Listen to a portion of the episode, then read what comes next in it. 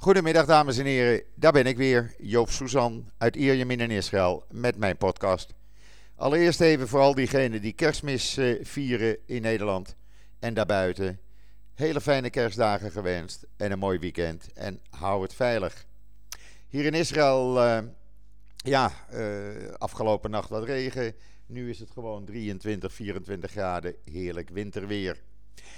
Ja, en dan ga ik u zometeen live eh, tussen aanhalingstekens mee laten beleven hoe dat ging toen ik mijn eerste coronavirus of injectievaccinatie tegen het coronavirus kreeg. Ik moest eh, om eh, tien, over, tien over half twee daar zijn, Israëlische tijd, dat is tien over half één bij u. Eh, inmiddels dus ruim anderhalf uur eh, geleden. Uh, even in de rij moeten staan, goed geregeld, want je naam wordt opgeroepen. En uh, dan kan je een kamertje binnengaan waar dan een verpleger zit of verpleegster die je de injectie gaat geven. In mijn geval was dat Ahmed, een Arabisch-Israëlische jongen, die mij van alles en nog wat vroeg of ik allergisch was, of ik binnen twee weken geleden nog tegen de griep was ingeënt. Nou ja, allerlei vragen en hij gaf uitleg wat je zou kunnen voelen na de injectie. Uh, zoals een klein beetje hoofdpijn of uh, gevoelige plek waar de injectie is gegeven op de arm. Gebeurt helemaal bovenaan op je bovenarm. ja, ik heb er verder niks van gemerkt. Ik ga u de opname even laten horen. Dan weet u wat ik meegemaakt heb. Ogenblikje. Zo, ik zit nu bij Ahmed. Ahmed gaat mij nu binnen enkele seconden de injectie geven. En uh, hij zegt tegen me: Je krijgt een beetje pijn, kan voorkomen, of een beetje hoofdpijn, headache. En uh, that's it. Normal symptoms of... Normal symptoms, symptoms, zegt Ahmed. En ik vertrouw hem. I trust you. Ahmed, I trust you. I know. Oké. Okay. Zo, u bent nu uh, live, live getuige, live witness, how Ahmed will give me the vaccin, uh, het vaccin tegen coronavirus. Hij vult nu de spuit. That is interesting. Ja? Ja, I'm doing it in Dutch, Ahmed. En uh, oké. Okay. Dan gaat het nu beginnen.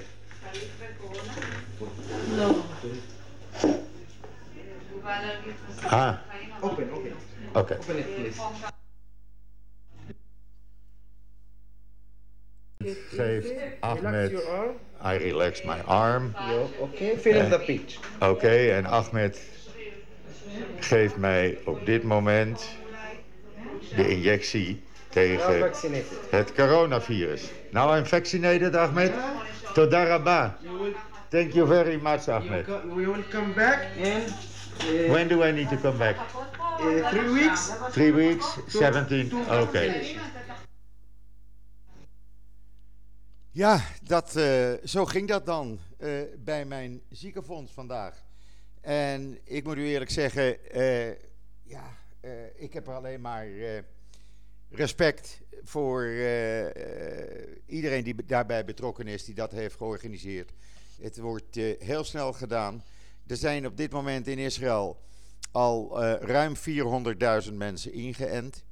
De bedoeling is dat in de komende, of over twee weken, de, iedereen wordt ingeënt, ongeacht de leeftijd. En dan hoopt men tegen eind maart een soort herd immunity te hebben bereikt hier in Israël. Waarbij uh, dan eigenlijk uh, ja, het grootste gedeelte is ingeënt.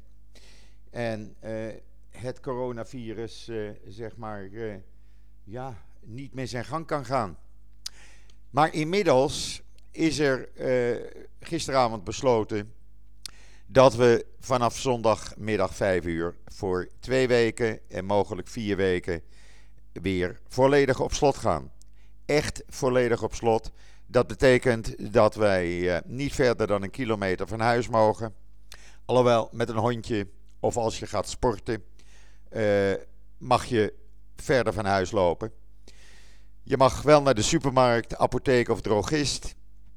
Uh, werken zoveel mogelijk vanuit huis. Scholen blijven gedeeltelijk open. Alhoewel er discussie nog over is, maar ik denk dat die wel open blijven voor de meeste klassen. Uh, en alle winkels gaan dicht. Dus we zitten weer in hetzelfde schuitje. En dan zal u zeggen: ja, alweer? Ja, alweer. De derde keer in Israël. En hoe komt dat dan? Omdat de besmettingen richting 4000 per dag gingen met een besmettingspercentage wat boven de 3% lag. Het positieve aantal tests wat uit, uh, of de positieve besmet, uh, mensen die positief uh, getest werden. En dat is veel. En men zegt de enige mogelijkheid, hoe raar het ook klinkt, terwijl tienduizenden mensen dagelijks worden ingeënt, want dat loopt op naar 60.000 per dag, gaat Israël weer volledig op slot. Ja, het is niet anders. We moeten het er maar mee doen. En als ik nu zie bij mij bij de shoppingmall, uh, mensen zijn helemaal door het dolle. Die kopen, uh, staan in de rij met auto's. Er kunnen ruim 2000 uh, auto's geparkeerd worden. Is geen plek te vinden in de hele buurt niet, op het parkeerterrein niet. Mensen ja, wat ze opeens nodig hebben. Ik zou het niet weten.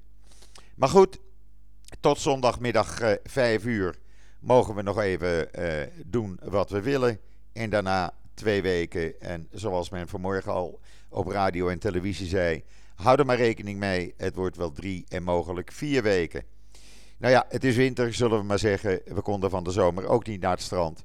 Dus dan kan dit er ook nog wel bij. Het is natuurlijk wel raar. Ik ben over drie weken dan uh, uh, beschermd, zegt men, voor 95% tegen het coronavirus. En dat voor een maand of 8, 9.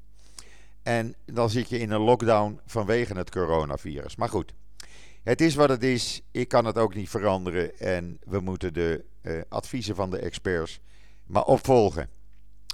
Ja, en wat nog meer? Nou, als u JoodsNL volgt, zult u het gezien en gelezen hebben. We hebben weer een regeringscrisis in Israël. Nou zat dat er al lang aan te komen. Want van regeren was er eigenlijk uh, al een paar maanden geen sprake. Uh, de minister van Buitenlandse Zaken en Defensie van Blue and White. Die werden door Netanyahu buiten de deals met de Emiraten gehouden. Daar wisten ze niets van. Ze wisten van Marokko alleen via rechtstreekse contacten met het Witte Huis. En waar ging het nou over? Ja, er zijn akkoorden gemaakt, regeringsakkoorden gemaakt, er zijn afspraken gemaakt. Er zou bijvoorbeeld uiterlijk 23 december een budget moeten zijn. Nou, dat was er niet. Uh, er zou een rotatie plaatsvinden volgend jaar oktober. Daarvan had Netanyahu kort geleden gezegd: begin ik niet aan, doe ik niet. en zo zijn er meer afspraken gewoon geschonden. Gisteravond gebeurde er iets bijzonders. Gisteravond kwam Zeef Elkin op televisie. Uh, een van de meest uh, getrouwe Netanyahu-bondgenoten, om het zo maar te zeggen. Hij is minister geweest. Hij is fractievoorzitter van de Likud geweest. hij is coalitievoorzitter geweest. Hij hield, onderhield voor Netanyahu de contacten, rechtstreekse contacten met Poetin. En de man kondigde gisteravond live op televisie met gebroken stem en tranen in zijn ogen. Ik heb dat nog nooit eerder zo indringend meegemaakt. Kondigde hij aan dat hij uit de Likud stapte en naar de partij ging van uh, de nieuwe opgerichte partij van Gideon Sar. Uh, ook een uh, ex-Likud-man omdat, zoals hij zei, de Likud en de Israëlische politiek door Netanyahu, en zo zei hij dit letterlijk, hij zei letterlijk op televisie: Netanyahu, ik spreek nou tegen jou. Jij gebruikt de politiek alleen maar om uh, je strafzaken, je rechtszaken uh, en niet voor het landsbelang. Het enige belang wat jij hebt, zei hij, is om uit de gevangenis te blijven. En daar werk ik niet meer aan mee. En hij, echt, hij sprak met gebroken stem, tranen in zijn stem. En de man was echt kapot. En dat is een klap voor Netanyahu. En dat bleek ook gelijk uit de peilingen vanmorgen. Want zijn partij is met gedaald naar 25 zetels. Terwijl de partij van Gideon Saar nu op 22 zetels staat. En waarschijnlijk nu uh, gaat uh, stijgen. Daarnaast kwam Naftali Bennett gisteravond op televisie. Ook een van de vroegere coalitiepartners van Netanyahu. Die tegen het Israëlische volk live in, uh, op alle zenders ook zei. Ik ben in de race om Netanyahu op te uh, volgen. Wij doen aan deze verkiezingen mee om een andere premier voor Israël te krijgen. Er is heel wat aan de hand.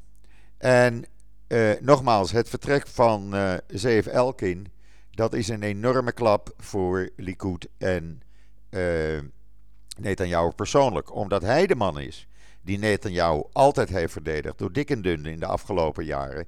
En nu dus op televisie publiekelijk tegenover het Israëlische volk zei wat er achter de schermen daadwerkelijk gebeurde. En dat was schokkend om te zien. Dat was echt schokkend om te zien. En dan gaan we dus nu die verkiezingen in. Dat betekent dat we op 23 maart verkiezingen hebben.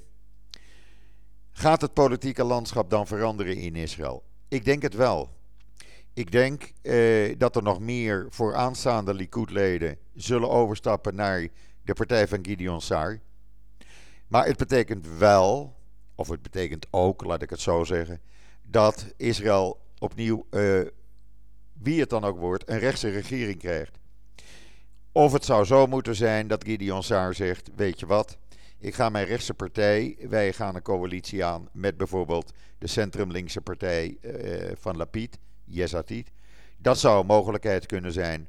Als Yamina daar ook bij zou zijn, dan heb je zomaar een meerderheid in de Knesset. Dan heb je geen Arabische partijen nodig.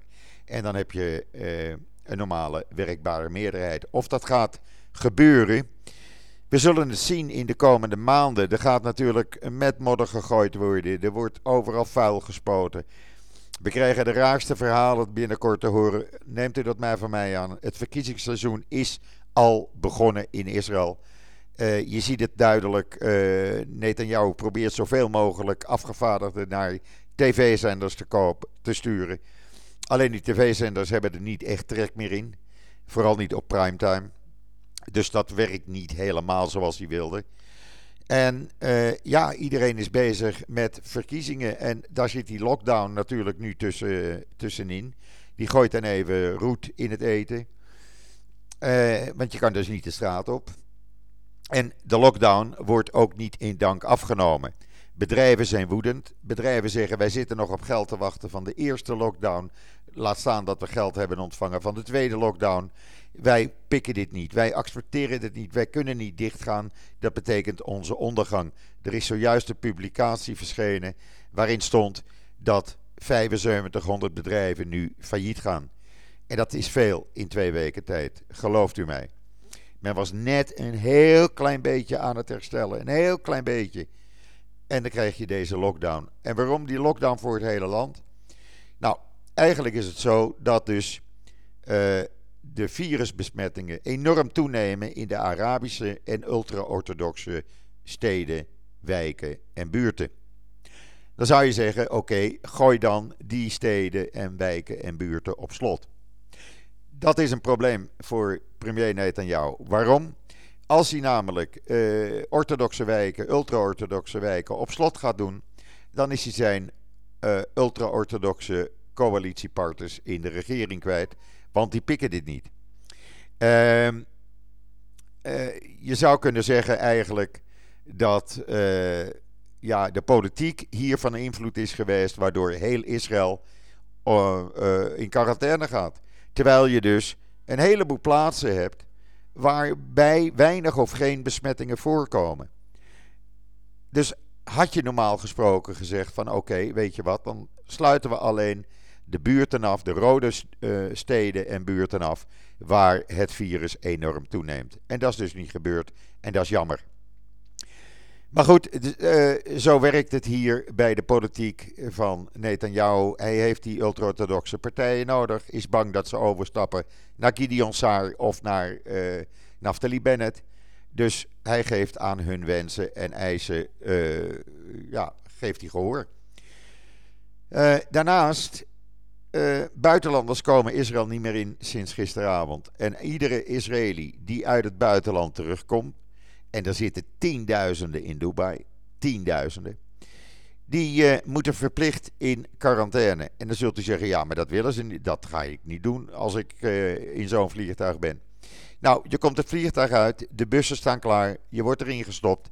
En onder politiebegeleiding ga je naar een van de tientallen hotels uh, waar je 14 dagen in quarantaine moet. En die hotels zijn verspreid over het hele land. Nou, ik heb het gezien op televisie. Ik zou er nog met geld toe niet willen zitten. Het is één grote bende. Gillende kinderen, vies, het wordt niet schoongemaakt.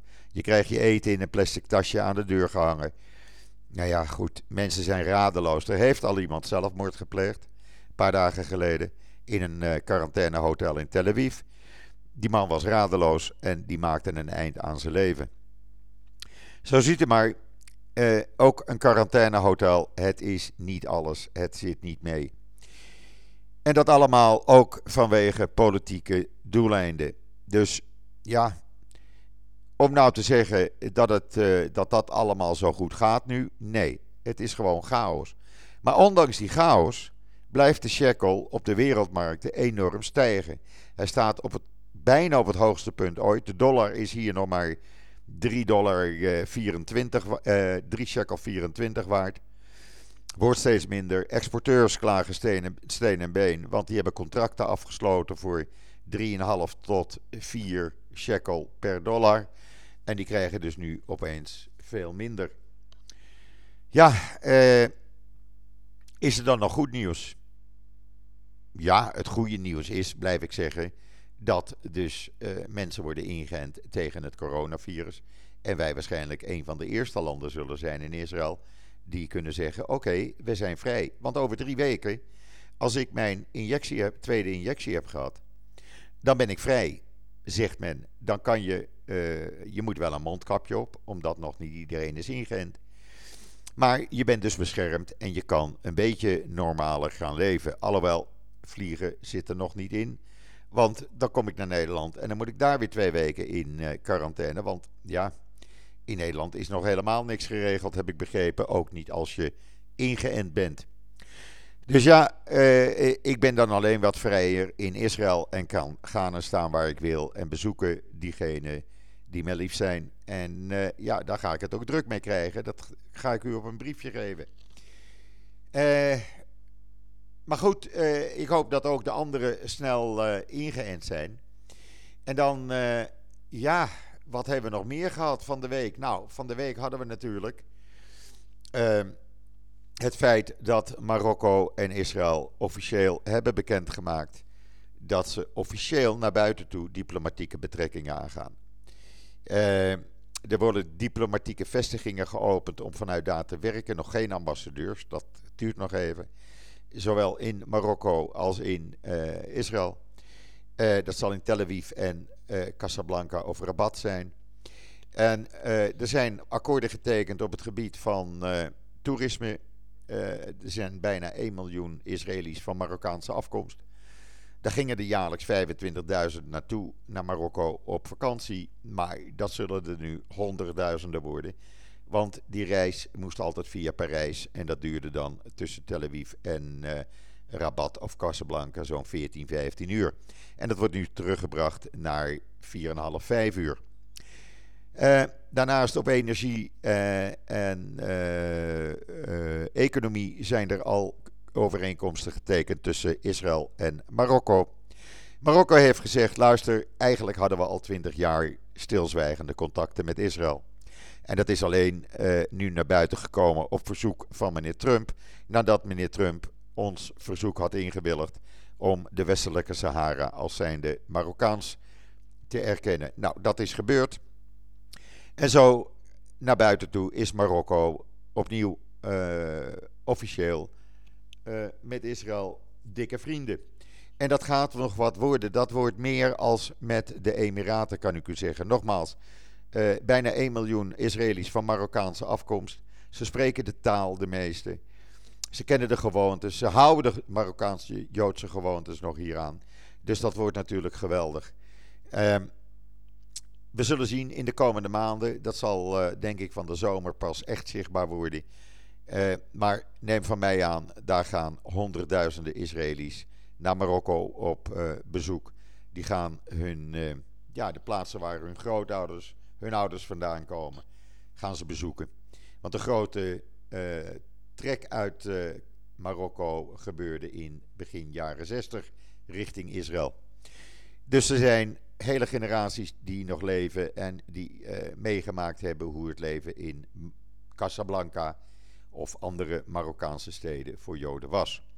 En wat ik altijd begrepen heb van mijn overleden geliefde, was het ja, altijd prachtig, uh, de connectie tussen Marokkanen en Joden. Dat ging prima. men had respect voor elkaar. Men was op elkaars feesten, verjaardagen, bruiloften. En men leefde uh, zoals het hoort, respectvol en prima naast en met elkaar. En dat gaat hopelijk nu ook weer gebeuren. En dat valt alleen maar toe te juichen. Dat zal ook, ja, ik denk voor de Marokkaanse gemeenschap in Nederland is dat dan even wennen. Maar ja, ik zou zeggen, wennen maar aan. over het algemeen was vroeger de verhouding tussen Joden en moslims altijd goed. Allebei uh, kinderen van uh, Abraham, zoals men zegt. Dus ja, uh, waarom niet? En om dit nu mee te maken, ik vind het historisch, ik vind het geschiedenis. We maken het allemaal live mee. Ik zit op het puntje van mijn stoel, kan ik u zeggen. En is prachtig om te zien. Dus ja, dat is een positieve ontwikkeling, gelukkig. En ik hoop dat er binnenkort uh, nog meer mooi nieuws komt. Want er gaan sterke geruchten dat ook Indonesië door president Trump is overgehaald om met Israël officieel diplomatieke betrekkingen aan te gaan. Er studeren hier al duizenden studenten uit Indonesië. Er zijn al ja, betrekkingen stilzwijgend, maar niet officieel. En vergeet niet, als dat gebeurt, is natuurlijk prachtig, want Indonesië is het grootste moslimland ter wereld. Prachtig als dat dan ook binnenkort gebeurt. En daarna, nou, ik verwacht uh, Saudi-Arabië en misschien nog voor Trump afstreed zelfs. Dat zal ook naar buiten komen. Uh, dus ja, alleen maar positieve ontwikkelingen. En ik vind het fantastisch. Echt. Ik vind het fantastisch om dat mee te maken hier vanuit Israël. Om elke avond te zien die nieuwe ontwikkelingen op televisie. Te zien hoe Joden en moslims elkaar omhelzen. Hoe ze feesten vieren in Dubai. Het is allemaal prachtig. Ja, dus goed nieuws eigenlijk, deze podcast, toch? Nou, ik zie dat ik uh, ja, alweer bijna aan mijn tijdlimiet uh, zit. Rest mij u nogmaals een hele fijne kerstdagen toe te wensen. Ga lekker eten, ook al is het anders dan andere jaren. Maak er wat leuks van. Maak het thuis gezellig. Hou het veilig. Uh, Shabbat shalom alvast vanuit Israël. En wat mij betreft ben ik er maandag weer. En zeg ik tot ziens, tot maandag.